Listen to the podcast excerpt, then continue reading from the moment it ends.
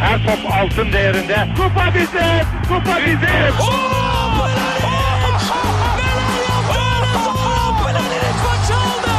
Dengeli de attı. İsabetine buldu. Magna Fontervi. Zora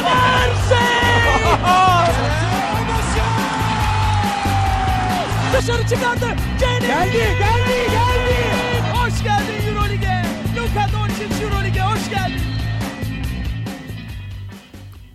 İkili Oyun'un 47. bölümüne hoş geldiniz. Ben Serkan Mutlu. Mikrofonun diğer ucunda Ali Aktin ve Tancan Fümen var. Selam beyler. Selamlar.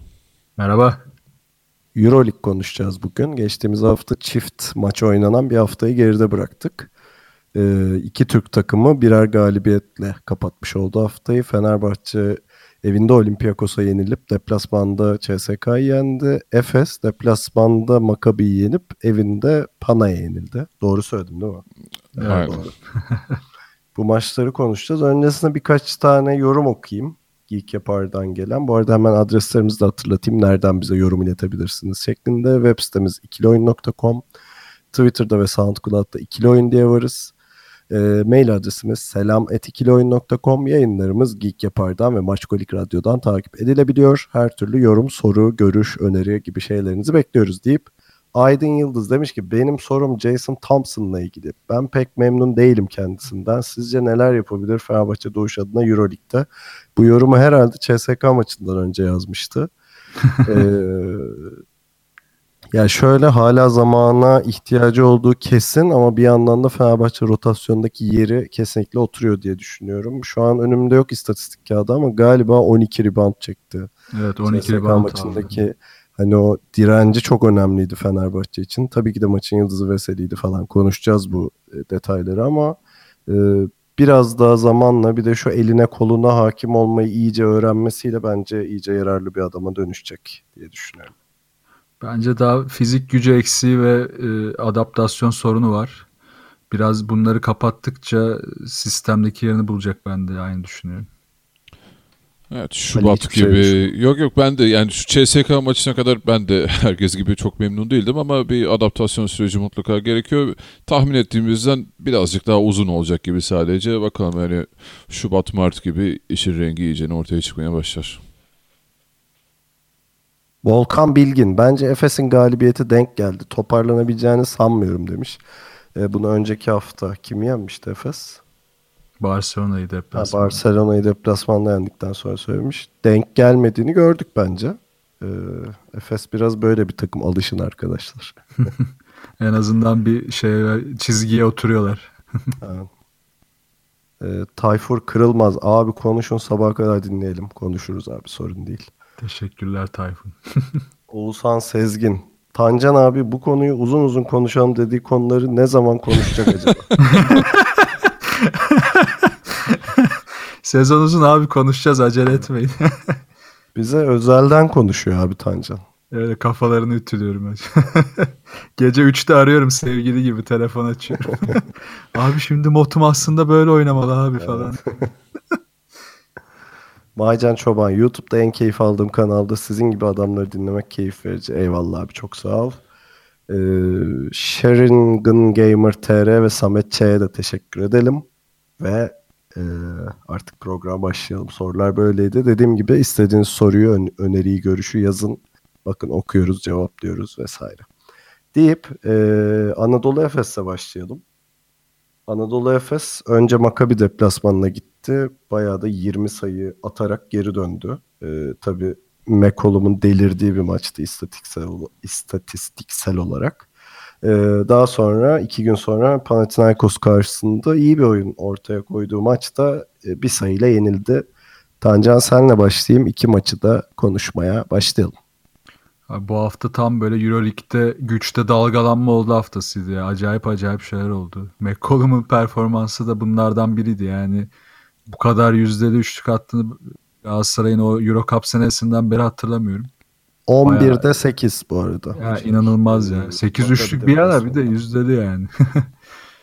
şey e, işte zaten haftada işte Real'in Ba- Baskonya'ya yenilmesi, oyuncuların abuk subuk performansları çok tuhaf bir haftaydı bu hafta.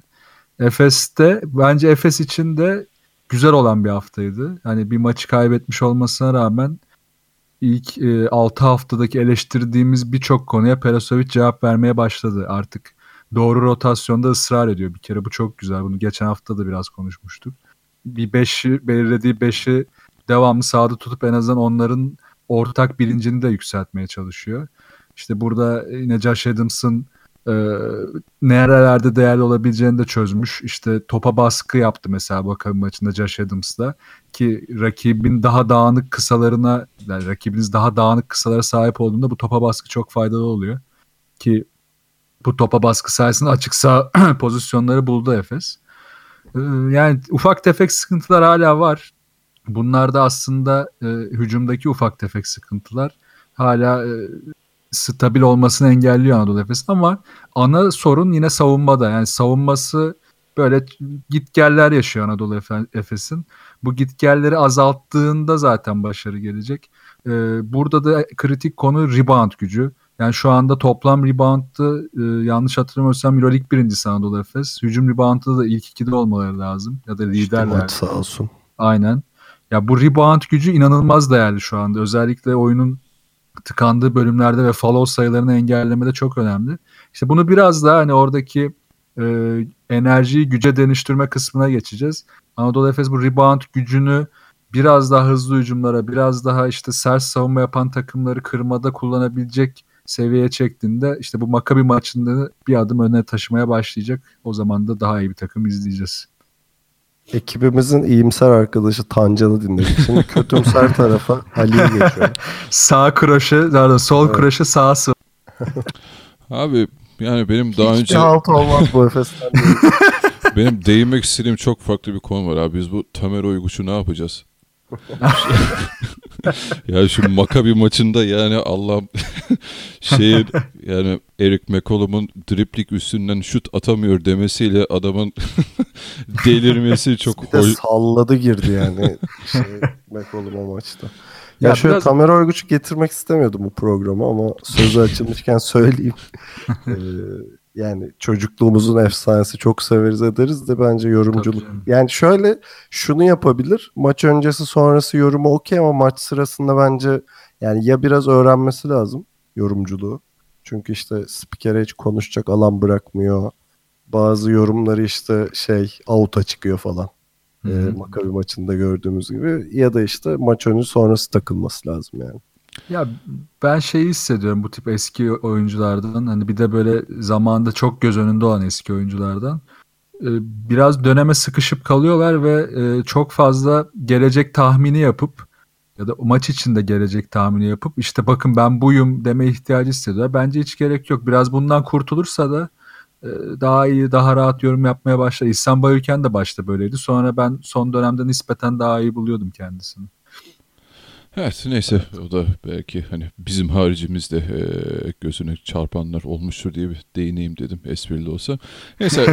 e, ben yine iyimser yaklaştım abi. e, genel olarak ya aslında sanırım hepimiz böyle bir maçı e, sezon başından beri bekliyorduk. E, işte McCollum çıldıracak ve şey çok e, acayip bir maç izleyeceğiz diye tam da öyle bir maç oldu. E, bundan ben bir tane de hatta şeyden de bekliyorum işte Ledo'nun da bu tarz çok çılgın atıp da e, Efes'in rahat kazanacağı bir maç olacağını düşünüyorum. E, onun haricinde e, olumlu şeyler var. iki maçı da beraber göz önünde bulursun durursak. E, Tancan'ın dediği gibi hani Josh Adams'ın biraz daha nasıl kullanıldığı belli olmaya başladı. Hani maçı onunla başlayıp bir direnç koyup onunla e, ve bu sayede e, doğuşun sürelerinin iyicene azalması bence çok olumlu. E, McCollum'un formda olması zaten çok kritik Efes için ki biliyorsunuz e, birkaç hafta üst üste iyicene e, o rolden soyulmuştu McCollum. İyicene e, şeye e, Simon'un eline bakar olmuştu Efes. O açıdan olumlu. E, Dansın'la zaten City maçı çok formda ama e, hadi şey maçında biraz daha e, biraz değil hatta çok fazla mesela Motom'un rolünü bulması e, Efes için çok önemli. Maccabi maçında bu yokken işte Panathinaikos maçında bunun ortaya çıkması çok önemliydi. Ya yani doğru şeyler geliyor ama bunun yanında e, hala çözemediği şeyler var. E, Stimac Dunstan ekseninde oynadığı için bu takım pot altında savunmada ve reboundda ne kadar etkili olursa olsun yine de o köşe üçlüklerinde dış savunmada e, eksikler yaşıyor ve bunu da e, anladık ki herhalde Derek Brown dönene kadar e, bu oyun sisteminden vazgeçmeyecek Efes. E, şimdi hemen böyle şey hani 3 maçın son 3 maçın Efes'in hani ikisini kazandı biri son topta gitti ki onu da McCollum çok berbat kullandı ama neyse bir toparlanma kesinlikle var ama hani tamam artık e, oturuyoruz demek için bence hala biraz erken.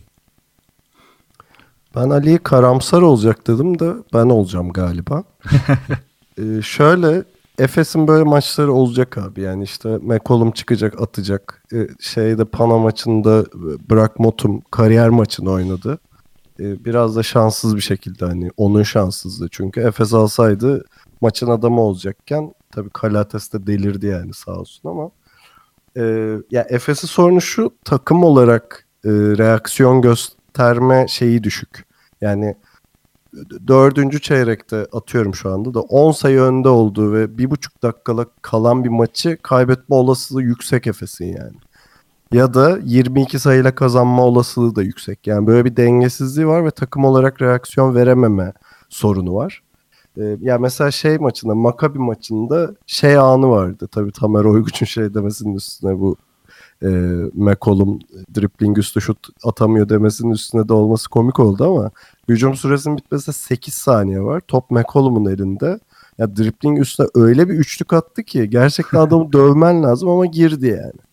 Hani böyle şeyler yaşanıyor bu takımda. Girdiği sürece sorun yok evet ama bu da hep girmiyor arkadaşlar. Yani e, bu da bir gerçek. Zaten hep girse McCollum gider işte. Evet. Bucks'ta Milwaukee Bucks'ta oynar yani. E, zaten 3. çeyrekte ben dedim yani bu maçı e, işte eğer toparlanmazsa ve ekstra bir şey olmazsa ben Maccabi maçının da gideceğini düşünüyordum. E, neyse ki yani dördüncü çeyrekte Ledon'un falan da katkısıyla e, yani McCollum da atmaya devam etti. Ama Maccabi daha sağlam bir takım olsaydı, McCollum'u daha iyi kitleyebilseydi böyle mi olacaktı? o da biraz şüpheli. O dördüncü çeyrekte çünkü iyicene darmadağın oldu Maccabi. İşte orada şey giriyor bence devreye. Yani Anadolu Efes'in bu rebound gücü ve savunmadaki ısrarı yani Perasovic'in Panathinaikos maçında da ısrarı böyleydi. Ee, mesela şu istatistiği vereyim. Son çeyreğin ilk 3 dakikasında Efes sayı yemedi. Son 6 dakikada 4 sayı yedi. Yani işte çok kötü bir gün geçirebilir bir takım. Yani bu Efes için çok muhtemel Serkan dediği gibi. Hatta maçın herhangi bir anını çok iyi oynarken çok kötüye çevirebilir. Çok top kaybedebilir.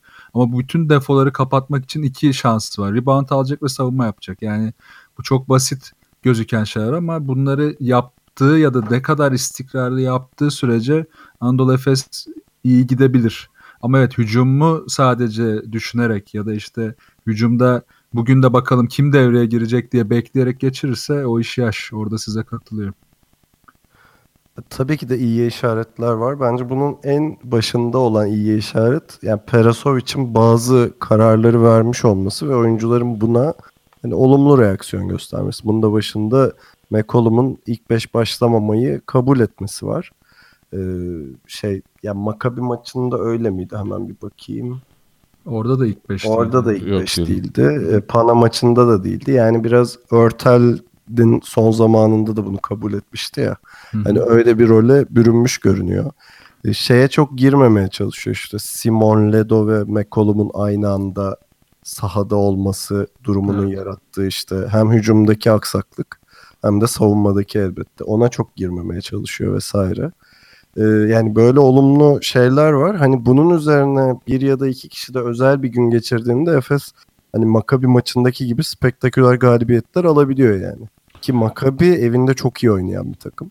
Evet. E, Real'i falan yendiler. Efes 20 sayı attı. 92 sayıyla döndü yani İstanbul'a.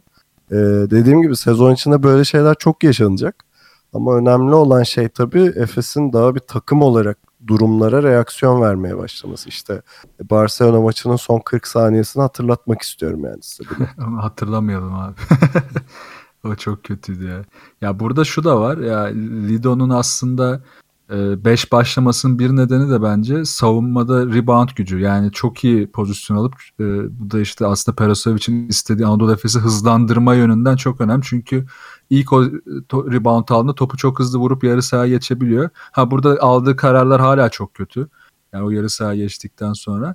Aslında burada şu şey sorununa geliyoruz. Yani Anadolu Efes'in benim hep takımlarda aradığım işte o toplam bilince yani o toplam zekaya ulaşması için daha yol var ve orada daha düşükler. Yani oyunun bir tarafında doğru şeyler olurken aynı anda bir tarafında yanlış şeyler olmaya devam edince o yanlış o doğruyu da götürüyor. Mesela işte buradan Panathinaikos maçına zıplayayım mesela. Yani başka bir şey ekleyecek miydik? Çok ama? araya girmek istiyorum. Senin az önce yaptığın bu tespit özellikle Ledo ile ilgili olan resmen dejavu yarattı bana. Geçen sene aynısını Hanikat için kullanıyorduk. Konuşuyorduk. Aynen. Tamam rebound'u çok iyi alıyor, acayip hızlı geçiyor vesaire. Sonra saçma sapan kaldırıp atıp duruyordu o da. Yani işte birebir aynı şeyi konuştuk yani. İnşallah sonu benzemez. yani buradan Panathinaikos'a zıplayayım. Yani mesela burada e, evet yani 3 19'da 3 üçlükle bu maça gelmiş bir oyuncuyu dışarıda riske etmek tabii ki mantıklı bir şey ama işte savunma cidden zeka gerektiren ve kararlılık gerektiren bir şey. Riske ettiğinizde durduğunuz yer çok önemli. Yani Karates'i riske etti Anadolu Efes. Tamam soktu da o da tamam ama riske edip de aldığı birçok topu da çok hızlı vurup faal aldırdı, çembere gitti, ikili oynadı, içeriye pas verdi. Yani atacağı bir üçlükten çok daha fazla tehdit yarattı. Bence burada Perasovic'in tercihi ya da önüne koydu işte Josh Adams'ın e, açık sahadaki savunması, topa baskısı okey ama setteki savunmasında hala sıkıntılar var. Bunu da Karates çok iyi değerlendirdi. Yani Panathinaikos maçını kaybetmesinin nedeni Efes'in hani savunmayı oturtamaması evet. Bir de yani bireysel kararlarda çok fazla hala o toplam bilince oluşa, e, ulaşamamaların nedeni de var. Ya bir de tabii iki uzunu her hafta konuşuyoruz. İşte Stimac ve Dunstan'ın beraber oynaması konusu. E ben sizin kadar şey değilim o konuda. Yani Efes'in böyle oynamaya mahkum olduğu durumlar var evet. E ama mesela Panathinaikos gibi atletik uzunları olan işte Singleton, Antetokounmpo, Gist gibi takımlar karşısında da Efes mesela hem geriye koşma sorunu yaşayabiliyor. Yani işte maç ve Dunstan beraber oynadığında hem de işte şeyi ben sayamadım abi. Kalates'te Gist kaç tane Ali macı bastı yani adamlar. Evet. Hani çok, böyle çok şeyler yaşanabiliyor bu seferde. Ya orada aslında Dunstan'ı geçen hafta şey konuşmuştuk. Hani biraz daha bazı şey şeylerinden fe, fedakarlık e, ederek hani kullanıyor. Ben biraz daha buna şey olmaya başladım, ısınmaya başladım. Ama tabii şey sıkıntısı var. Bir NBA oyuncusu gibi Dunstan'ı hadi şut öğrettik ve atmaya başladı o da biraz zor. Mesela Panathinaikos maçının sonunda en kritik 3'ü o attı. İçinden çıktı belki ama buna çok daha hazır değil. Bir de şu sıkıntı oluyor. E, Singleton gibi şutör bir uzun gelince karşınıza işte pick and roll oynadığında rakip takım ikili sıkıştırmaya gitmeniz çok zor. Çünkü Singleton'a verdiği anda üçlü yiyebilirsiniz. Burada hani Dunstan'ın biraz daha bu tempoya yani dışarıda oynamada savunma temposuna alışması lazım. O alıştığında bence evet, Serkan'ın dediği e, fayda daha da artacak bu iki isimle oynamasının. Valla ben hala o görüşümde e, sabitim. Bu ikilinin ben getirileri olduğundan çok götürüsü olduğunu düşünüyorum ve ben sezonun böyle e, devam edeceğini düşünmüyorum. Yani tabii mutlaka Brown tabii bir noktada dönecek ama e, ya bununla yapabileceğiniz sınırlı ve çok daha fazlası olacağını zannetmiyorum. Özellikle hani pot altında ne kadar e, yani zaten her hafta söylüyoruz ne kadar etkiliysen dışarıda o kadar etkisiz kalıyorsun. Çünkü bu adamlardan bir tanesi Veseli değil yani öyle bir şeyin yok. Ya da e, Yudok gibi böyle inanılmaz bir elit kısa savunucusu ya da karşıda kalma yapamıyorsun bunu. Neyse e, bu ikili çok fazla konuşuyoruz. Ben e, şeyi konuşmak istiyorum biraz da. E, Josh Adams'ın tamam iyi yani tamam şeyde her şeyde Perasovic çıkmak istemiyor da ya bu adamdan alabileceğin maksimumunu görmeye yakınız gibi hissediyorum. Umarım yanılırız ama mutlaka ve mutlaka e, Edo Muric'den çıkması gerekiyor bu takımın. Ya kesinlikle bu seviyenin oyuncusu olmadığını zaten haftalardır söylüyoruz. Efes'e transfer şartı oldu şart. Valla Muric evet yani Muric'in etkisi mesela bir tane 5 sayayım. McCollum'un bence etkili olduğu bir 5'ti bu. Stimac, Motum, Muric, Doğuş. Yani McCollum'u sahada bu dörtlüyle koyduğunuzda işte mesela Muriç'ten alabileceğin şey 1'dir 2'dir hani 6-7 değildir maç içinde sana verebilecekleri. İşte böyle bir 5'e koyduğunda işe yarıyor. Ya Perasovic Muriç'i de böyle bir şeye koyacaksa tamam 5 dakika oynayıp ya da 10 dakika oynayıp bir şeyler verip çıkabilir. Ama evet hani Euroleague seviyesinde çok büyük katkı hala vereceğini ben de düşünmüyorum. Ee, burada hemen Motum'a gireyim ben. Motum'u da eleştiriyorduk başta. Hani tabii Muriç gibi değil. Hani Motum'u zaten geçen O sene yaptıkları... Eleştiri değil be ya. Yani bence şey daha çok hani takım içerisindeki rolünü bulamaması. Yani ben kişisel bir şey olduğunu zannetmiyorum onun. Yani ben öyle eleştirmedim. Ha yok ben eleştiriyordum. Hani şu açıdan eleştiriyordum. Yani e, pozisyonu almada ya da savunmadaki duruşlarında çok fazla hata yapıyordu. Biraz daha böyle hani Stimaç'la e, daha uyumluymuş gibi geldi bana bu maçta. Hani Stimaç'la yan yana oynarken daha iyi pozisyonlar aldı. Bunları da tabii skora ve savunmadaki işte o yardımlardaki başarısına çevirince daha faydalı oldu. O da biraz daha e, konsantre olmaya başladı oyuna. Ya zaten Panathinaikos maçında söylemiştim. Kariyer maçını oynadı neredeyse. Şimdi Evet. biraz geçmişine bakıyorum da hiç e, evet bir Barcelona ve Galatasaray'a atmış. Geçen sene biraz. Hı hı. 26 ve 24 sayı ama e, yani böyle bir şeye ihtiyacı vardı Burak Mutum'un. E, yani Muriç'i en çok eleştirenlerden biri benim. Yani ne işe yaradığını kendisi de bilmiyor falan diyordum. Panathinaikos maçında en azından e, savunmayı sertleştirdi ve iyi rebound çektiği bir periyot vardı. Orada işe yaradı. Ama tabii ki de kesinlikle bu seviyenin oyuncusu değil. Çünkü hani savunma tarafında okey katkıyı veriyorsun ama gene de hücum tarafında çok çok zayıf bir adam yani. Kesinlikle onun üzerinde oynayamıyorsun. Zaten sayı attım hatırlamıyorum bile. Ee, ama tabii Burak Motum'un o özgüveni kazanması çok önemliydi. Bakalım yani önümüzdeki hafta belki de yani onun doğuş maçı olmuş olacak ve daha da kendine güvenecek. Çünkü 3 hücumda üst O üste maç, pardon bir araya kaldı yani. Gir gir.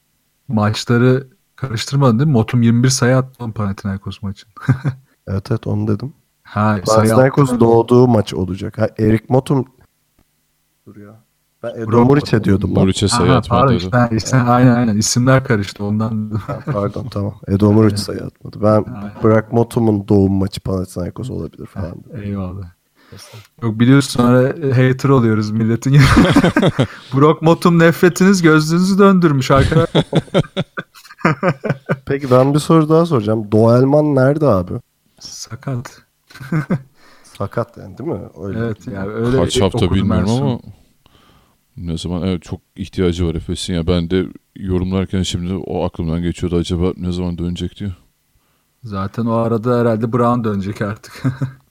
Yani neyse şu anda abi Efes'in rotasyonuna baktığında hani Derek Brown yok, Doelman yok ve eldeki malzeme belli yani. Hani burada gerçekten de Stimaç ve Dunstan beraber oynamasın diye kestirip atmak e, kolay da hani yok yani şey yok. Ha, tabii canım o Başka- açıdan diyecek şey bir şeyim yok yani. yani. Buna Yani. mahkum kaldı yani. Evet evet yani Muriç'i görüyoruz yani bir- belli bir şeyde kullanabiliyorsun. E, takımı kısaltayım dediğinde oraya Ledo'ydu, Simon'du doldurduğunda bu sefer savunma direncin çok düşüyor. Zaten ya benim zaten genel isyanım bu kadro yapılanmasına zaten bu mühendislikte yani bu olmamalıydı. Yani senin ya Efes'in Efes gibi bir kulübün yani bu, bu kadar yani biz a Edo iyi tamam biraz şey koydu işte e, savunmada sertlik koydu. Biraz da rebound çekiyor. Bu kadar tek düzey oyunculara düşmemesi gerekiyordu Efes'in e, demek istediğim o.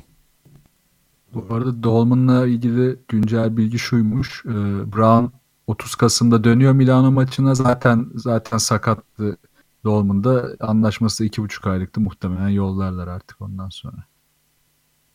Brown'un dönüşü arasında zaten herif de sakatlandı.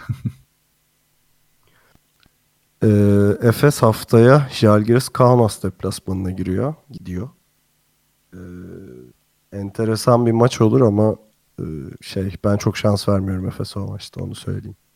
Kaunas ya bakalım ben çok bir şey diyemiyorum ya Kaunas maçına. Kaunas çünkü çok fazla rakibe göre oynayan bir takım olduğu için elindeki malzemeyle Jasikevicius'un da e, iyi hazırlık yapan bir koç olduğunu yani iyi bir maç öncesi koçu olduğunu da bildiğimiz için çok çok net diyemem ama evet e, Anadolu Efes'in işi çok zor. Bir de hani Perasovic'in e, biraz daha böyle saha içindeki kritik anlarda böyle random önlemler almak yerine biraz daha spesifik önlemler alması lazım. Mesela işte Karates'i iki pozisyon McCollum'a bıraktı. Orada Karates yaklaşık 5 sayı çıkardı galiba. Bir basket bir basket faal. Yani bu tip işte kritik durumlarda aynısını Zalgiris'te de yaşayabilirsin. Yani bu takımla ilgili bir şey değil. O anda sıcak oyuncuya sizin ne reaksiyon verdiğinizle ilgili. Perasovic bazen bunları atlayabiliyor. Yani inşallah Zalgiris maçında olmaz. Yani özellikle yani bu işte son e, Panathinaikos maçında yaşadığımız kalites durumunu umarım e, Jalgiris maçında Yankunas'a karşı yaşamayız ki o da felaket bir yani inanılmaz iyi bir sezon geçiriyor Evet, şu ana kadar. Çok sana. Ya ben buradan Kalates'e şunu sormak istiyorum. Geçen sene Fener playoff'ta şutunu riske ediyordu senin. yani. O hayvan mesela? 8 metreden buzzer falan attı lan Efes. Abi o 40 saniye kala mı ne bir şut atmıştı. 1 saniye kala o çok acayipti ya. Yani 19'da 3'te gelip 4'te 3 atmak maçı getirdi işte yani. Ee, yani bir de şu McCollum'un son hücumu Panathinaikos maçında Ya evet dünyanın ya. en hüzünlü son topu ilan.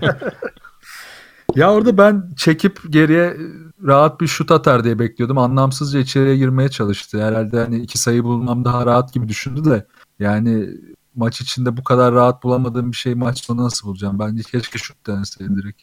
Ya bence şöyle abi McCollum gibi oyuncuların e, şu şeyi yok. Hani tabii ki de şutu çok iyi, son topu eline verebileceğim bir adam. Ama o son topu eline aldığında hani o içeri girdi bir geri döndü tekrar döndü ve şut şuta kalktı ya o sırada iki kişi gelmişti zaten üstüne. Yani biraz oyun görüşü sağ görüşü olsa topu içeri indirebilirdi yani. Tabii pas Ama onu işte onu hiç düşünemediği için öyle bir adam değil zaten öyle bir adam olsa çok daha önemli yerlerde olurdu onu söylüyorum zaten. Öyle olsa Barcelona'da oynardı. Yo, upgraded versiyonu var işte kardeşi CJ. Zaten. Adam Portland'da oynuyor. Neyse Efes böyleydi. Jalgiris karşısında başarılar dileyelim. Güzel maç olur. Ee, sevdiğimiz iki takımı izleyeceğiz önümüzdeki hafta. Ee, ekleyeceğiniz bir şey yoksa kısa bir aranın ardından Fenerbahçe'yi konuşacağız.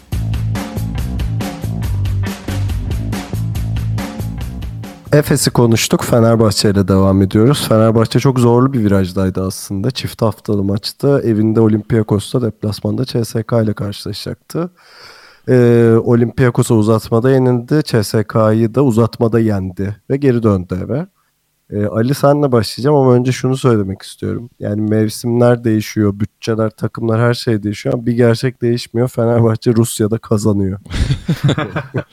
Dur dur. bunu şunun için söyleyeceğim. Ee, CSK son mağlubiyetini gene Fenerbahçe'den geçtiğimiz sene Aralık ayında almış. Hani her sene bir kere yaşanan bir realiteye dönüştü yani. Ha, ve çok şey başka bir istatistik daha vardı orada tam rakamları hatırlamıyorum da böyle e, bir, bir yendiğinde işte böyle 30 maçlık seriyi bitirmiş bir sonrakinde atıyorum 40 maçlık bir seriyi bitirmiş falan hep öyle de şey uzun şeylerden sonra aralardan sonra. Yani bir de Fenerbahçe şöyle zorlu bir virajdaydı. Öncelikle Olympiakos tabii ki de geçtiğimiz senenin e, finalin rövanşını almak istiyordu.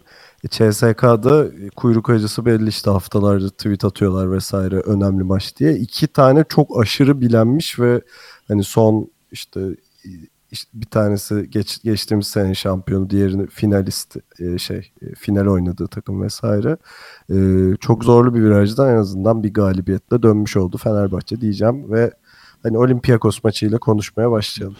Bu arada şey de söyleyeyim ya zaten son iki senenin Final Four'u da aynı olduğu için hatta bu sene de büyük ihtimalle öyle bir şey bekleniyor. E, o yüzden artık bu şey maçlardan bol bol hikaye çıkması hani rövanşlar vesaireler çok normal. Diyelim ve Olympiakos maçıyla başlayalım. E, ya aslında maçı değerlendirmekten çok ben Sulukas'ı konuşmak istiyorum. Yani şimdi şöyle bir durum var. Yani maçı izlerken şunu dedim. Yani Sulukas çok fazla top kaybetti. Saçma sapan kararlar verdi falan. Hani saç baş olduk resmen izlerken. Yani dedim ki e, herhalde Obradovic Sulukas'ı kazanmak için bu kadar çok sahada tuttu. Çünkü şöyle bir şey var. Hani baskette hani top kaybı, isabetsiz şut vesaire bunlar sizin biraz hani yani elinizi korkaklaştırması lazım. Yani blok yersiniz e, bir sonraki pozisyonda hani girmekten çekinirsiniz falan. Ya Sulukas hiç durmadan bütün maç boyunca gitti potaya şutları hiç esirgemedi falan. Yani Obradovic'in takımında böyle bir şey yapabilmek için ben yani benim düşüncem e, koçtan siz direktif almışsınızdır. Tamam git at. E, çünkü tam tersi olsa Obradovic artık şey yani sandalyeyle falan döver yani böyle bir oyunu çünkü. O yüzden e, baktım Sulukas'ta da hiçbir geri adım atma yok. Sürekli o ısrarı maç boyunca sürdürdü. Yani en kötü anda bile bir sonraki hücumda tekrar attı. İşte o yüzden düşündüm demek ki Obradovic Sulukas'ı bu maç içerisinde kazanmak istiyor veya şey e, hani sınırını görmek istiyor Sulukas'ın. Hani bu ileriye dönük bir adım gibi değerlendirdim ben. Ya sonra da düşündüm hatta siz de buna cevap verin. Acaba o bench'te e, o gece Sinan yerine Dixon olsaydı yine e, sıfır saniyeyle mi bitirdi acaba maçı? Ya Dixon girerdi bence o gün ya. Zaten clutch anlarında da yine ihtiyaç olacaktı. Ya Sulukas'ın yani program öncesi de konuşuyorduk. Şey sıkıntısı çok büyük. Ee, neyle hani bu 5'te şimdiki kadroyla kimle nasıl oynayacağını bence daha hiç anlayamamış. O yüzden de topu çok elinde tutuyor. Yani bunu bunu çözmek lazım. Aynen. Yani benim de zaten e, tespitim o ya bu kadar domine hiçbir oyuncu e, topu domine edemez bu kadar Fenerbahçe'de. Yani çok da örneğini gördüğümüz şeyler değil bunlar Obradovic'in takımında. İşte O yüzden ben şey tespitine girdim. Demek ki Obradovic böyle bir e, karar verdi. E tabii bu işte. atacak diye. Ama Sinan'ın hiç girme tamam o da formsuz olabilir ama yani hiç girmemesi o da bir başka soru işareti e, oluşturdu bende. Ya dediğim gibi düşündüm. Yani Dixon olsaydı mutlaka girerdi. Ee, Sinan'ı hiç düşünmemiş olması yani bir tam formsuz olabilir ama hani girip bir 5-10 saniye bir iki pozisyon falan da denenmeyecek kadar almamasına çok anlam veremedim ben açıkçası. Ya Sinan aslında belli anlarda oyuna girdiğinde ikili oyunu çok iyi oynayıp e, çok kısa sürede çok fazla asist çıkarabilecek bir oyuncu.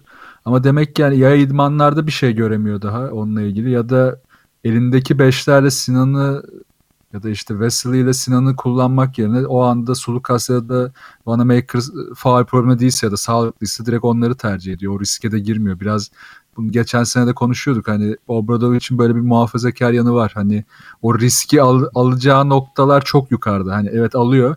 Çok bir anda Melih'i oyuna sokup birçok şey bekleyebilir ama bunu yapma işini e, çok yukarıda tutuyor. Yani çok fazla bekliyor. Bu da evet faydası olduğu gibi zararları da var. Biraz işte Thibodeau tarzı diyebiliriz buna. O da öyle oynatıyor Minnesota'yı. Yani Sulukas'ın zararı aslında Fenerbahçe'nin de bu seneki en büyük sıkıntılarından birine işaret. Yani en çok top kaybı yapan 3. takım ligde Fenerbahçe. Bunun da en büyük payını Sulukas yaklaşık 3 top kaybıyla maç başına gösteriyor. Diğer takımın geri kalanı yaklaşık bir buçuk civarında.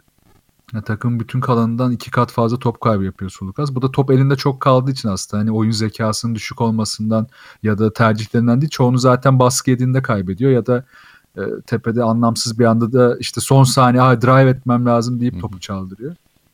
Ama Olympiakos maçının işte bu top kayıplarının üstüne yani şeyde dedik ya Efes maçında e, yaptığınız bütün hataları iyi bir savunma kapatır, iyi bir mücadele gücü kapatır. Fenerbahçe'nin bu maçta follow'larda yani takip sayılarındaki durumu çok kötüydü. Yani ne rebound alabildi, reboundlar zaten ezildi. Ne işte e, e, kaptırdığı toplara yeniden savunmaya yerleşip baskı yapabildi. Hiçbirini yapamadı. Yani ikinci şans sayılarında 18-10, reboundda 35-26 bunlar önemli sayılar. Ve işte Thompson'ı mesela şimdi CSK maçını konuşacağız da e, rebound gücünü göstermesi gereken bir maçtı. Olympiakos'un kalın uzunları karşısında arasında yok olup gitti. E, neyse ki bunu CSK maçında gösterebildi Evet. sonradan. Bir de iki uzunun da tabii şey faul problemine girdi Olympiakos Aynen. maçında. Serkan iyi Ya misin? ben bu maçı iyiyim iyiyim sizi dinliyorum. Ee, şöyle yani Sulukas'tan evet bahsedebiliriz ama profesyonel sporcuların böyle maçları olur yani. Ee, ama buna rağmen Sulukas 33 dakika oyunda kalmışsa ve onu backuplayabileceğini düşündüğün işte kısaların varken bench'te işte Sinan Güler, Melih Mahmutoğlu, Egehan Arna gibi. Hani bu yollara da girmediyse bu başka bir şey konuşmak gerekiyor demek ki. Yani çünkü bence burada şöyle bir durum yaşandı. Sferopoulos bu maçı kazandı ya. Ben gerçekten tebrik ediyorum Sferopoulos'u. Maç içinde verdiği her karar çok doğruydu ve uzatma dakikalarına girdiğinde Olympiakos çok daha diriydi Fenerbahçe'ye karşı. Zaten hani nasıl uzatmaya gittiği de meçhul bir şekilde gitti işte diye düşünüyoruz. Ya Olympiakos Fenerbahçe ile birlikte Euro Euro Lig'in en iyi savunma yapan takımı. Herhalde buna itirazınız yoktur. Yok. Hani her e, şeyi pick and roll'u switch'te e, şey savunmaları vesaire gibi karakteristik özellikleri de Fenerbahçe'ye çok benziyor zaten. Hani sen burada e, şeye bu hani bu duruma çözüm yaratamıyorsan burada Sulukas'ı çok suçlamaya gerek yok. Çünkü ne oldu da iki gün sonra mesela CSK maçında Veseli 19 içeriden şut denemiş. E, Olympiakos maçında 4. Hani Bence asıl sorun burada yani hep hepsinde Sulukas kaybetmedi sonuçta. Demek ki senin pas kanalların kesildi. İşte şey uzundan uzuna ya da kısaların oyun kurması engellendi vesaire. Ben o yüzden şeyi belirtmek istiyorum. Sferopoulos hani belki de kariyerinin en iyi koştuk maçlarından biriydi. Hem de çok özel hazırlanmış bu maça belli. Çok daha motive gelmiş takım. Ee, yani Printezis'in şeyinden bahsetmiyorum bir de. O içimizden geçti zaten ya performan performansından Olympiakos çok daha hazır, çok daha istekli vesaireydi ve geldi Fener'i yendi. Böyle hani Sulukas'ın yaşadığı gibi şeyler yaşanabilir yani. E, ama baktığımda hani Fenerbahçe adına genel tehlikeyi şöyle görüyorum. E, tabii ki de bunda e, şeyin e, Kalinic ve Dixon'ın sakatlık tan işte Dixon yeni çıktı. Kalinic hala sakat e, hani bench katkısı çok sınırlı şu anda Fenerbahçe. Fenerbahçe 8 kişiyle oynuyor. E, geçtiğimiz sene de 8 kişiyle oynuyordu. E, ama baktığında bütün takım neredeyse değişti. Hani en az en azından Sinan Güler artı Melih Mahmutoğlu'ndan çok daha fazla katkı alması gerekiyor Fenerbahçe'nin ve ya alamıyor ya da Obradoviç bu şansı vermiyor. Vermiyorsa bir bildiği mi var yok mu ben bunu bilmem hani buna dair bir yorumum yok açıkçası. Ama genel olarak Olympiakos maçında şeyi söyleyebilirim. Olympiakos bileğini büktü Fenerbahçe. Hiçbir çare bırakmadı yani ki mesela CSK maçında gördüğümüz şey tam tersi yani durum. Benim savunma, böyle. Savunma yaptırmayarak yendiler bir de Fenerbahçe. Yani çember savunmasında Fenerbahçe normalde %52 izin veriyor rakiplerine. Çember iki, iki, iki sayılıklarda. Ee, Olympiakos %63 de attı. Üstüne de Printezis ve Militinov ikilisi zaten 12 rebound aldı. Bunların yarısı da hücum reboundu. Yani orada zaten yani bu kadar rebound verip üstüne de çemberi savunamazsanız Printezis gibi bir adam atar. Militinov gibi kalın bir oyuncu. Geçen seneden geçen sene göre formu daha iyiydi bu sene zaten. Ee, özellikle verimliliği çok arttı. Sağdaki duruşu, çembere yakın savunması. Yani Fenerbahçe orada o kadar çok e, kitledi ki yani kimse gidemedi. Hücumda da işte bu follow'ları çok iyi yaparak ikinci şansları devamlı aldığı için yani Fenerbahçe'nin savunmasını kırdılar. Yani savunmayı çok iyi yapsa da Fenerbahçe o şut atıldı kaçtı ve siz o rebound alamayıp verip sayı aldı, yedikten sonra hiçbir anlamı kalmıyor ve üstüne de 20 saniye yorulmuş oluyorsunuz. Evet, yani işte, Sparapoulos çok iyi bir kurgu yapmış burada. Bir de zaten e, tabii Jason Thompson yine en etkisiz maçlarından biriydi. Erken faal problemi e, Veseli'yi çok yıprattı tabii bu durum. E, Seferopoulos da tabii Printezis'i maç sonuna çok diri tutabildi. O da lapır lapır attı sağ olsun ki Serkan'ın söylediği bir de hani takımı e, Seferopoulos çok iyi motive etmiş dediği en çok da Brian Roberts etmiş herhalde. Ya yani evet, evet, İstatistiğini Serkan hamama, versin. Hamama sokmuş. Buyur abi sen istatistiği ver hemen. İşte 7'de 5 üçlükle 21 sayı 4'te rebound çekmiş sağ olsun. Bu Ama, maça gelene e, kadar. 4 sayı ortalaması var. 4 sayıyla oynuyor. E, şeyde 3. çeyrekte değil mi? Ne yapmış? Üçüncü çeyrek. Evet evet. Dörtte dört üçlükle 14 sayı attı herif. Kyrie Irving çıktığı için.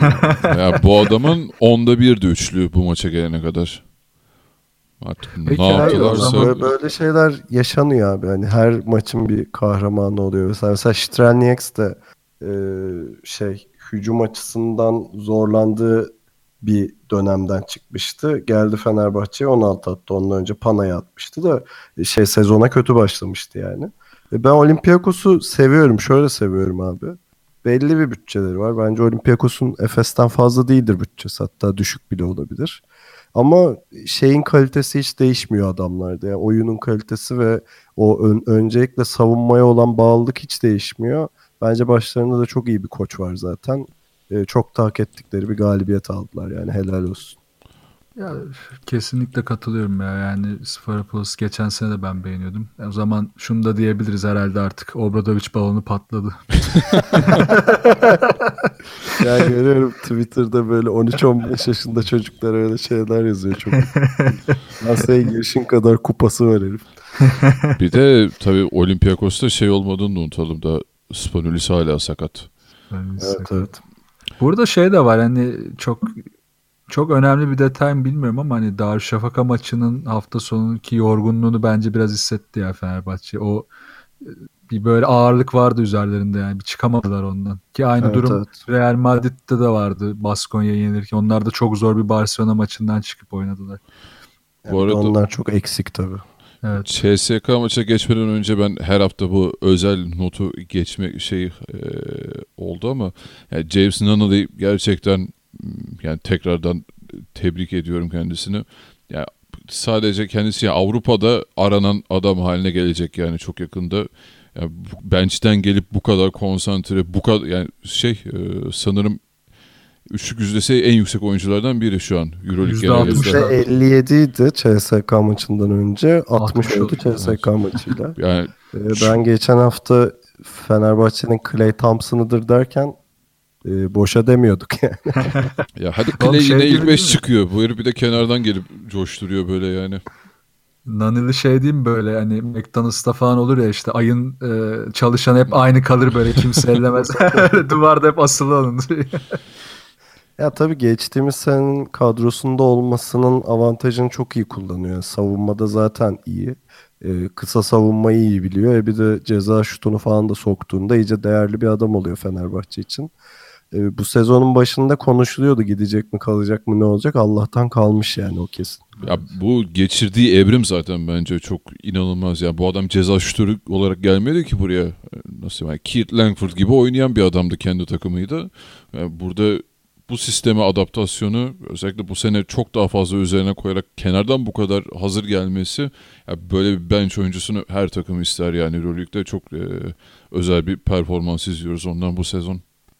Peki bunu daha önce de bir kere çıtlatmıştık, konuşmuştuk ama bir daha söyleyeyim. Geçtiğimiz sene Nunnally Efes'e gelseydi ne olurdu?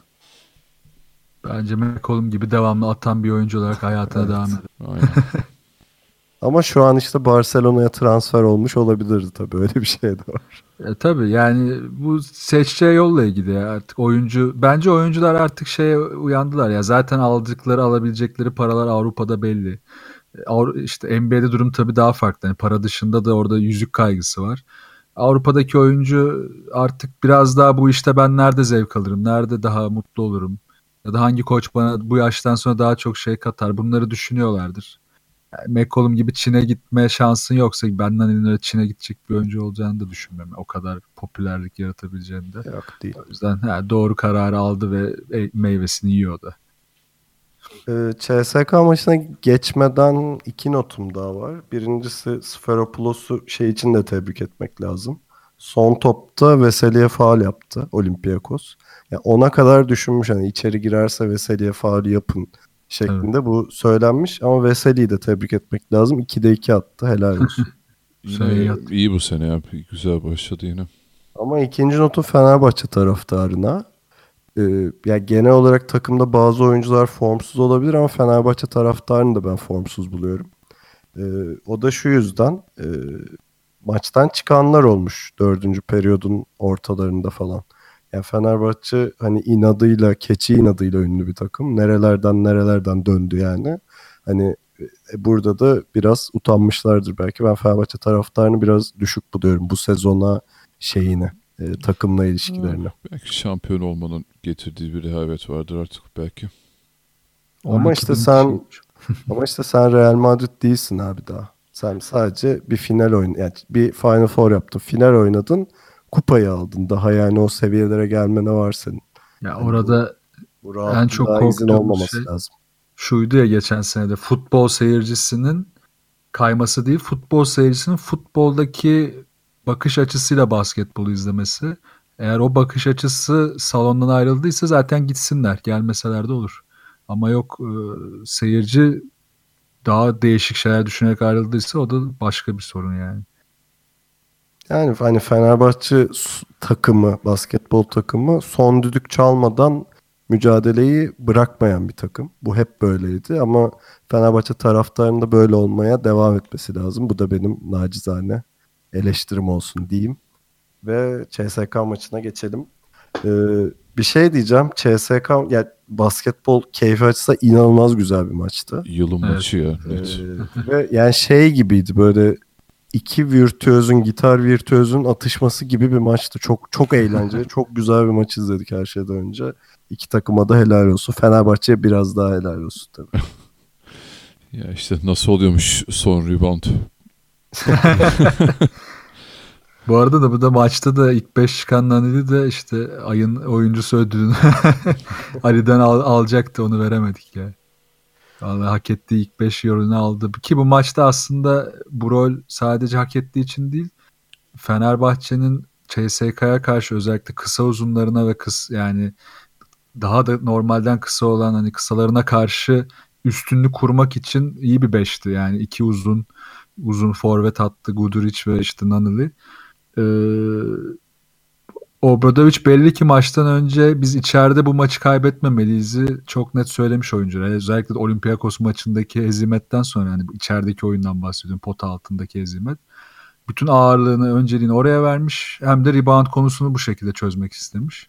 Ki gayet de çözdü bu maçta. Wesley zaten e, kariyer maçı yaptı. Sanırım kariyerinin en yüksek sayısını attı.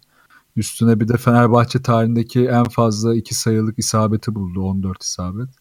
Ee, ve Thompson da Wesley ile eksik yönlerini tamamlayarak oynadı. Yani birbirlerinin eksik yönlerini iyi tamamladılar. Heinz gibi hareketli kısa uzunlara karşı iyi pozisyon aldı şey e, Thompson. Ve 12 reboundda da zaten e, işi götürdü orada. O 12 rebound da hani 3-4 tanesi en azından çok çok zor reboundlardı. Evet, hani böyle evet, seke seke aynen uçarak sağa sola falan al- alınan reboundlardı ki yani e, normal rebounddan çok daha değerliydi onlar. O artık hani e, ne kadar konsantre ve istediğini gösteren reboundlardı. O açıdan çok önemliydi onlar. Ya, CSK'da biraz şey sorunu gördüm ben de. Hani tabii bu Anadolu Efes'le birebir kıyaslamak değil de onların da savunması işte Efes gibi, Maccabi gibi, Panathinaikos gibi, Real gibi hatta biraz daha bu senenin tepe takımlarında e, ki sorunlardan ya savunma hep gel gitlerdi. Yani bir standarda oturtama, oturtamamış durumdalar. İkinci yarının başında çok sert başladılar. Özellikle Kurbanov ve Heinz'ı ben normalde de çok seviyorum. Yani CSK bu ikisini savunma liderliğine geçirip neredeyse 5 pozisyonu bile savunabildiği için bu iki oyuncuyla e, çok fazla avantaj sağlayabiliyor ama bunu devamlı kullanamıyor Itudis. Bunu neden yapamıyor bilmiyorum. Hani e, geçen sene de bu tarz sorunlar yaşıyorlardı. Bu kararlılığı gösterebilselerdi yine Fenerbahçe tabii ki çok zor bir maç oldu da daha erken koparma şansları vardı. Çünkü Fenerbahçe 3. çeyrekte çok düştü. Ama orada e, bu kararlılığı gösteremediler. Tabii buna karşı koyma gücünü gösteren de yine Thompson'la işte Ali'nin ve Serkan'ın o kritik reboundlar ve e, Veseli'nin e, önemli oyunu oldu. Tabii CSK'nın şöyle bir avantajı var. Eurolig'in herhalde en elit iki kısası diyebileceğimiz De Colo ve e, şey Sergio Rodriguez. Rodriguez. Mesela De Colo ilk iki çeyrek biraz tekliyordu. O sırada Rodriguez giriyor. De Colo bench'te duruyor ve hani dümen el değiştirebiliyor. Böyle bir avantajı var CSK'nın. E, e zaten öbür tarafta pot altında vesaire oturmuş kemik bir kadrosu var. Bir de üstte Kyle Hines gibi herhalde şu an Eurolig'in top çalma lideri o eğer e, istatistik değişmediyse. Bir de hani topu çalıp coast to coast koşup smaçla bitirebilen bir kısa uzun işte Tanca'nın kıçından attığı tabirle. Ee, şey çok değerli bir adam. O- Onun dışında işte Voronsevic'in 3 sayı tehdidinin olması vesaire gibi özellikleri de var. Ee, ama dediğin gibi savunmada tekleme durumu yaşayabiliyor. Özellikle e, Rodriguez mesela belli anlarda çok kolay geçildi Rodriguez. Çok. Öyle bir sorun yaşıyor. Ee, ama yani genele baktığımızda ama bir tarafın %45 diğerin tarafın %53 de üçlük attığını görüyorum. Yani böyle çok kontrollü herkesin her hareketini çok düşündüğü böyle teknik death metal de vardır ya bu Ali. Hani bir şey e, bir kaos hali ama kontrollü kaos. Çok teknik ve herkesin virtüöz olduğu bir müzik türüdür ya ona benzettim yani maçın bir anda. Yani çok şeydi. Çok iz- seyir zevki çok yüksek olan bir maçtı yani. Ee, ben de şunu deneyeyim ya Fenerbahçe'nin e, en kötü yaptığı şey bu maçta kısa savunmak oldu ki e, özellikle dördüncü çeyrekte falan hani Dekolo o kadar rahat attık yani girdi attı girdi attı hiç önünde birini bulamadı. E, şeyi hiç değinmedik mesela o da çok iyi bir maç çıkardı Corey Higgins. Evet, Higgins. O da hani içeriden dışarıdan vurdu. Sergio Rodriguez zaten yani zaten en çok öne çıkan 3 adam da e, kısalarla çok etkili oldu. E, Buna rağmen Fenerbahçe de içeride darmadağın etti e, CSK'yı. Veseli'ye zaten şey, bir şey demeye gerek yok yani. E, 19'da 14 gibi inanılmaz bir rakam ve o 14'ün de 5'i hani haftanın hareketi zaten Postersi yani. Ee, onun haricinde işte Nanıl'ın o el yakan topları sokması, Gudur için e, iyi bir maç çıkarması genel olarak e, şey sadece çok fazla e, top gelmedi tabii bu kadar hep Vanamaker kullandı Nanıl'ı Gudur isterken e, Datome'ye çok fazla o top inmedi. E, yani şey Ama yine de çok güzel oynadı Datome'de. Tabii tabii ya o zaten e, tam yani şu an rakam önümde yok ama herhalde Nanalı'ya çok yakındır onun da. %53 falan o da. Evet, ikinci Yani sırada zaten. İkinci sırada Dotome var. %53 Evet. olması lazım. E, Melli'nin zaten o hani tip e, topu tiplemesi ayrı bir kere. Onun da hani daha çok artık bu takımın bir parçası haline gelmesi. E, yani Fenerbahçe'de işler genel olarak yolunda diyelim. Hani tabii Olympiakos maçında çok Sulukas eksenli konuştuk ama hani bu maçta da hani daha oynaması gerektiği gibi oynadı ki hemen asist rakamlarına da yansıyor yani hem Vanamaker hem Sulukas e, 9'ar asist E, yani bu kadar domine etmediği zaman e, daha ne kadar çok daha yararlı olduğunu görüyoruz. Ya beklediğimiz Sulukas bu zaten istediğimiz. Aynen. Basit pick and roll'ler, asist odaklı, steal odaklı. Yani e, topu mesela 3 top çalması var, 2 top kaybı var bu maçta. Yani geçmiş maçlara göre normalde de kendi ortalamasının altında top kaybedip daha basit oynadığında zaten Fenerbahçe ondan her zaman verim alabiliyor. Ama burada işte Sulukas'ın bu role girerken işte bizim aslında Olympiakos maçını konuşurken ki sorumuzun cevabını e, yani Sulukas'la ilgili sorularımızın cevabını Obradovic Sulukas'a vermiş herhalde abicim. Sen hani böyle oynamaya devam etme artık. Tamam biz bir denedik ya da baktık ya da şartlar bunu gerektirdi ya da evet ben de istedim bunu artık hangisiyse bunun yanıtları ve sorunlar konuşulmuş ve Sulukas hani çok daha az top kullanıp daha oyun odaklı yani oyunun içinde kalarak diğer uzunları kullanarak forvetleri bulmaya çalışarak oynadı. Bu da değerliydi yani en azından bir adım gördük burada. Ee, son olarak Guduric'i konuşmak istiyorum. Ben bu maç CSK maçında çok beğendim Guduric'i. Çok verimli Ee, oynadı. yani şeyi savunmada çok güçlü. Kısaların önünde iyi kaldı e, şey o matchup'larda. Sadece şöyle bir eleştirim var. Bence daha çok top kullanması lazım. Yani e, bakıyorum kaç kere? Dört kere top kullanmış. Bunda üç isabet bulmuş. Zaten hani eli çok düzgün bir adam. Bence daha fazla top kullanmaktan e, şey kaçınmaması lazım.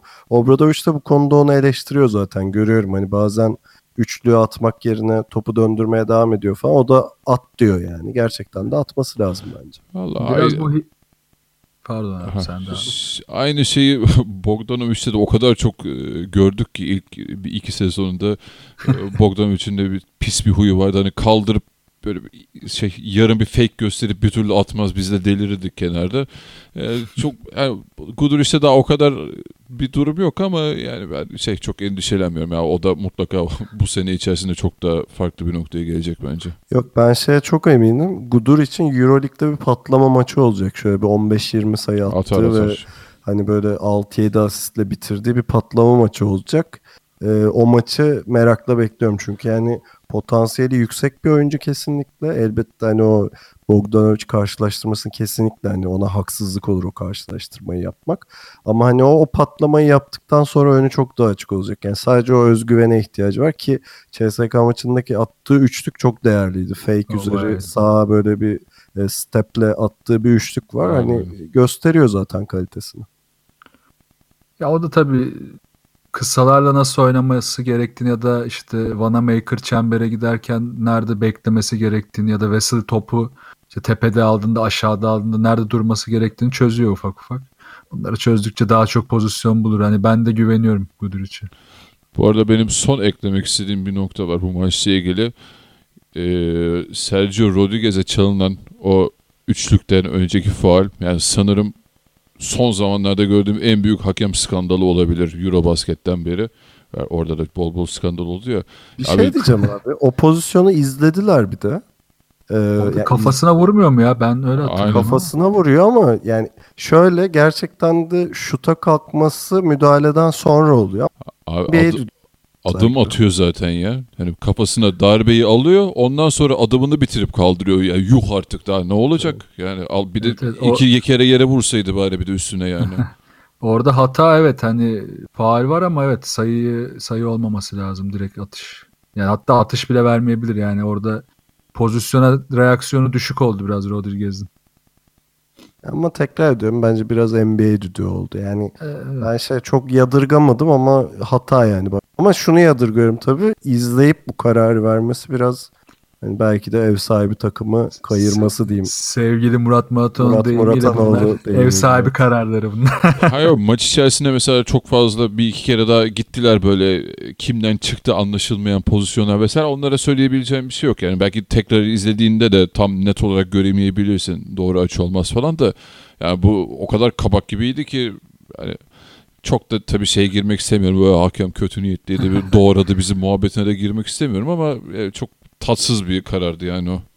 ya hakem konusunda artık ben böyle bir NBA rahatlığına eriştim ya. Orada da Boston Golden State maçında hani e, Kyrie Irving'in bir pozisyonu galiba sondan bir öncekiydi. Yani bırakın faulü yani kimse dokunmadı bile Kyrie Irving'e. Bitti gitti konu yani kimse üzerine durmadı. Maçı kazandı tabii Boston bu arada. Ee, önümüzdeki hafta Fenerbahçe evinde Kimki'yi ağırlayacak. Bir de onu konuşalım. Kimki Eurolig'e çok iyi başladı ama ben yerine hak etmeyen bir hani oyun oynadığını düşünüyordum. Gerçekten de biraz düştüler işte. Ee, öncelikle Real'i yenmişlerdi ama sonrasında işte Baskonya'yı da yendikten sonra üst üste Panathinaikos ve Maccabi'ye e, yenildiler. Bu arada Biraz Efes yediğin bu- 30 yediler. şey, Panathinaikos'tan. Biraz yediler evet. Panathinaikos maçında 30 sayı fark yediler. Evet 28. Ee, yok ben onu dememiştim de neyse. İyi iyi oldu bahsettiğin. Sadece şeyi söyleyeceğim. Hani Efes'in gidip e, 92 attığı Makabi'ye e, yenildiler yani bunu e, göz önünde bulundurarak bir form düşüklüğü ya da Tanca'nın geçen sene Panathinaikos'a dediği şey vardı ya. Onların yeri balon mu demiştin neydi? ya işte düşecekler. Biraz performansları yapay demiştim. Suni son Suni. derslerinde. yeni yeni şeyledim tanımla. Ee, ama dilerim şey olmaz işte. Şved'in 40 sayı atıp öyle bir maç olmaz dilerim. Fenerbahçe kimke reboundlarda yenilmesin maçı alır. Orada da Thomas Robinson gerçeği var. 13 rebound aldı son maçta da galiba. Ya da bir önceki maç mıydı şimdi hatırlayamadım ama. Biraz orada rebound gücünü. Çünkü şöyle Kimki'nin şöyle bir özelliği var. Bu bir iki maç izledim. Çok iyi bir hücum takımı gibi dururken de savunmada çok çok acayip seviyelere çıkabiliyorlar maç içinde ama istikrarlı değiller. Fenerbahçe orada da Olympiakos'ta gibi savunmaya yenilmezse alır maçı rahat.